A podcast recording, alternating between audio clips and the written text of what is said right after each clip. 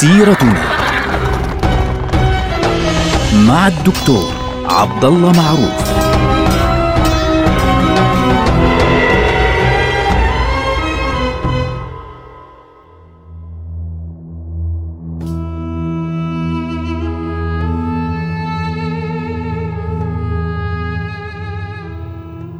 بسم الله الرحمن الرحيم. الحمد لله رب العالمين والصلاة والسلام على سيدنا محمد وعلى آله وأصحابه أجمعين. حياكم الله جميعا. آه سيرتنا نتحدث فيها اليوم مع أول سيرة للأمة وهي سيرة رسول الله صلى الله عليه وسلم. اليوم إحنا بدنا نتكلم عن الفترة الأولى في حياة النبي صلى الله عليه وسلم الآن معتمدا على نفسه. لأن النبي صلى الله عليه وسلم بعد وفاة جده لما كان عمره سبع آه ثمان سنوات كفله عمه أبو طالب. طبعا عمه أبو طالب كان رجلا كثير العيال وفقير مش غني لأنه كانت عليه الرفادة يعني كان يطعم الحجيج فاللي بيجيه من الفلوس بيروح للحجاج فعليا وزوار الحرم. فلذلك لم يكن غنيا مع أنه كان شريف. النبي صلى الله عليه وسلم وهو صغير. طبعا أول شيء لاحظ عمه أنه هذا الطفل أول ما ينزل الأكل لأنه بتعرف عيال كثير وكذا كانوا يهجموا على الأكل هجوم بين قوسين أبناء عم النبي صلى الله عليه وسلم. لكن النبي صلى الله عليه وسلم كان يجلس لوحده ويطلع عليهم لما يخلصوا أكل يجي.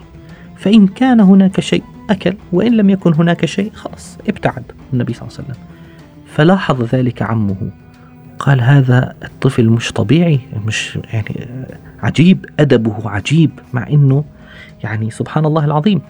فبالتالي خاف عليه أنه محمد لا يأكل لأنه يعني ذوقا وأدبا ما ما بيهجم معهم فإيش صار؟ صار يعزل له طعامه وحده صلى الله عليه وسلم هل قبل النبي صلى الله عليه وسلم فقط أنه يعيش هيك عالة مثلا؟ لا حاشاه عليه الصلاة والسلام فلذلك النبي صلى الله عليه وسلم منذ أن كان صغيرا خرج إلى سوق العمل مباشرة صار يرعى الغنم وهو طفل صغير عليه الصلاة والسلام وبدأ يرعى الغنم منذ أن كان في الثامنة أو بعد الثامنة التاسعة تقريبا كان يرعى الأغنام في مكة المكرمة.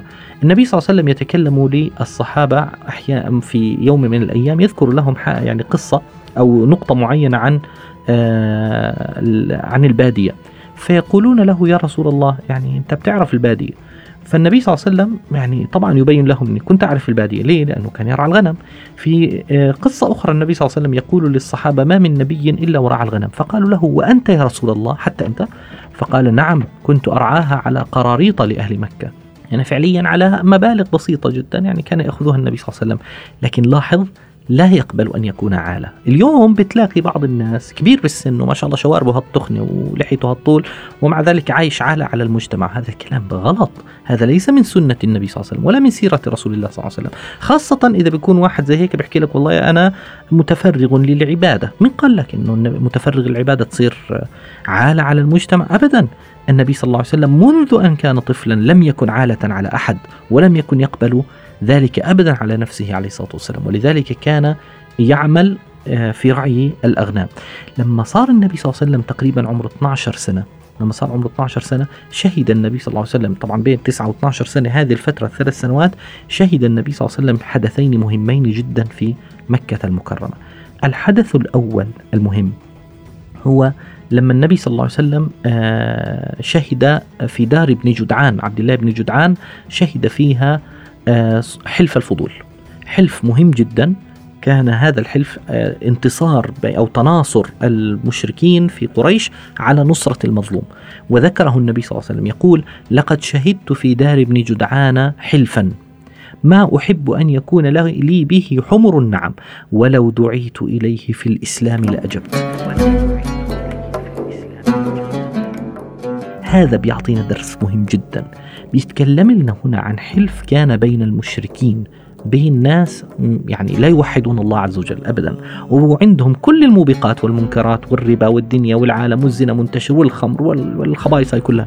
لكن مع ذلك لما يعملوا شيء صح النبي صلى الله عليه وسلم إيش بيقول؟ ولو دعيت إليه في الإسلام لأجبت. نفسه مستعد أتحالف مع قريش. اللي كانت مشركة ولو كانت مشركة على ذلك على نصرة المظلوم. هذه درس مهم جدا لنا في هذا الزمن. لذلك إحنا اليوم في هذا الزمن إخواننا الكرام لما نيجي المجتمع الإنساني كله اللي بنسميه اليوم المجتمع الدولي بين قوسين لما يجي يجتمع على شيء طيب لما يجي يجتمع على شيء خير أنا ما عندي مشكلة كمسلم إنه أق- أن آجي وأتفاهم وأقول نعم نحن معكم. عندما يجتمع العالم كله على تحريم مثلا الرق خلاص ما بدناش ممنوع إنسان يستعبد إنسان آخر. أول ناس بيقولوا نعم نحن المسلمون. لما يجي العالم العالم كله يتفق على إنه بدنا نعمل منظمة مثلا لرعاية حقوق الإنسان وحقوق الأطفال وحقوق أول ناس بيقولوا نعم نحن معكم. من؟ المسلمون. ليه؟ هذه سنة نبينا صلى الله عليه وسلم. ولو دعيت إليه في الإسلام لأجبت. هذا الحلف حلف الفضول. وأيضا النبي صلى الله عليه وسلم شهد وهو صغير شهد حربا كانت بين قريش آه، وقبائل التي حولها حرب الفجار لأنها حدثت في الأشهر الحرم عشان هيك سموها حرب الفجار. فالنبي صلى الله عليه وسلم شارك بها كما تقول بعض الروايات أنه كان ينبل لأعمامه يعني بيجيب لهم السهام وبيعطيهم إياها. فالمبدأ طبعا بعض الناس بيقول من هنا تعلم خطط الحرب. لا لا هو كان يسمع كان يسمع وكان يرى. وفي نفس الوقت رأى الحرب ورأى كم هي بشعة. لذلك النبي صلى الله عليه وسلم يعني كان يكره الحرب دائما. كان يكره أن يخرج آه لقتال وكان يحاول أن يستبعد القتال بقدر الإمكان لأنه هو صغير رأى الحرب ورأى القتل ورأى الدمار اللي ممكن تخرب هذه ال- الحروب والمعارك. فلذلك كان يكره هذه الأمور. الآن لما صار عمر النبي صلى الله عليه وسلم 12 سنة خرج مع عمه عبد آه، أبي طالب لأول مرة إلى التجارة. يعني تعلق بعمه وقال له خذني معك خذني معك أرجوك. فعمه قال بخاف عليك. فقال له خذني معك معلش. فقال له تعال معي. فأخذه عمه إلى الشام.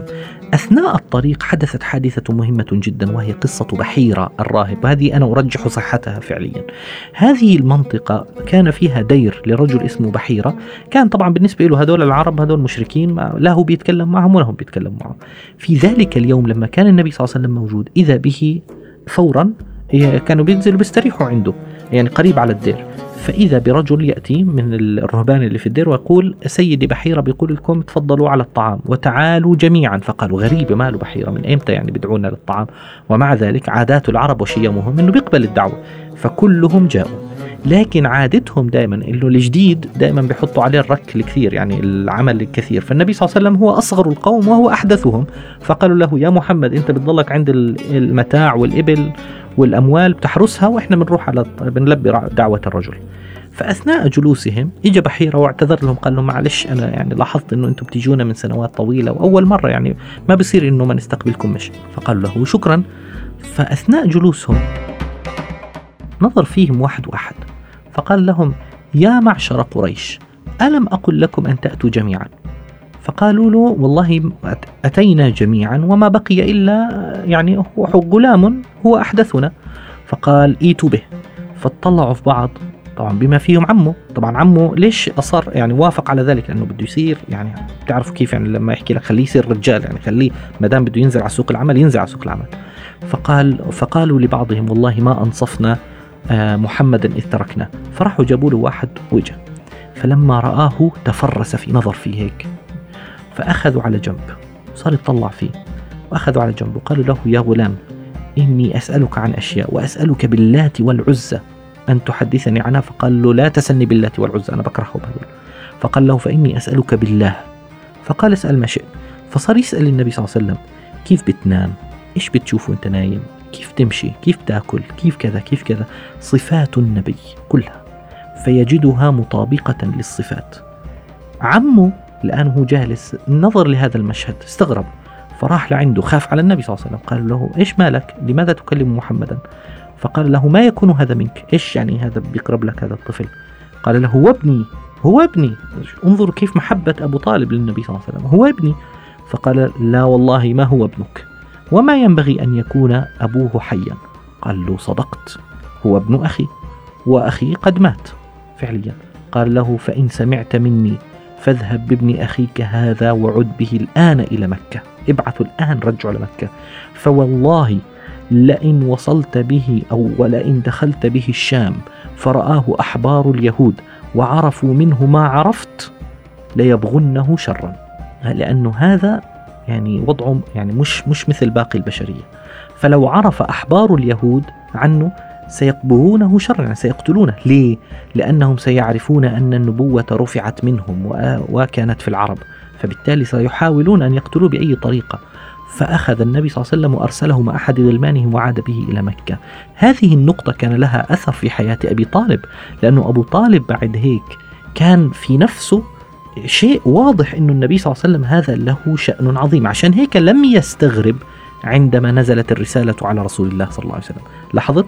عشان هيك هو وقف مع النبي صلى الله عليه وسلم وما استغربش ما, ما أنكر عليه هذا الأمر لأنه كان يتوقع شيئا عظيما سيحدث للنبي صلى الله عليه وسلم. وأما النبي صلى الله عليه وسلم فكان قد بدأ التعرف على عالم التجارة الذي سيوصله بعد ذلك إلى زواجه من السيدة خديجة وإلى بداية الرسالة. نلقاكم على خير والسلام عليكم ورحمة الله وبركاته.